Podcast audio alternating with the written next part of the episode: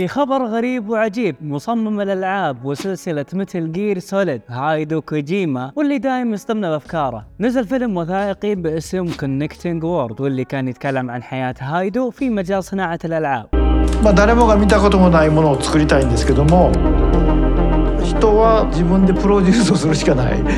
ونعرف إن هايدو يشتغل على الجزء الثاني من لعبة Death Stranding فسألوه عن إيش الخطوة القادمة وكان جوابه إنه يبي يروح الفضاء عشان يشتغل على لعبة الجاية ويصمم لعبة يمديك تلعبها بالفضاء وطالب بالمساعدة عشان يحقق هالشيء. بس ما راح يروح قريب لأنه جالس يشتغل على اللعبة. ونقول إن شاء الله يتحقق حلمه قريب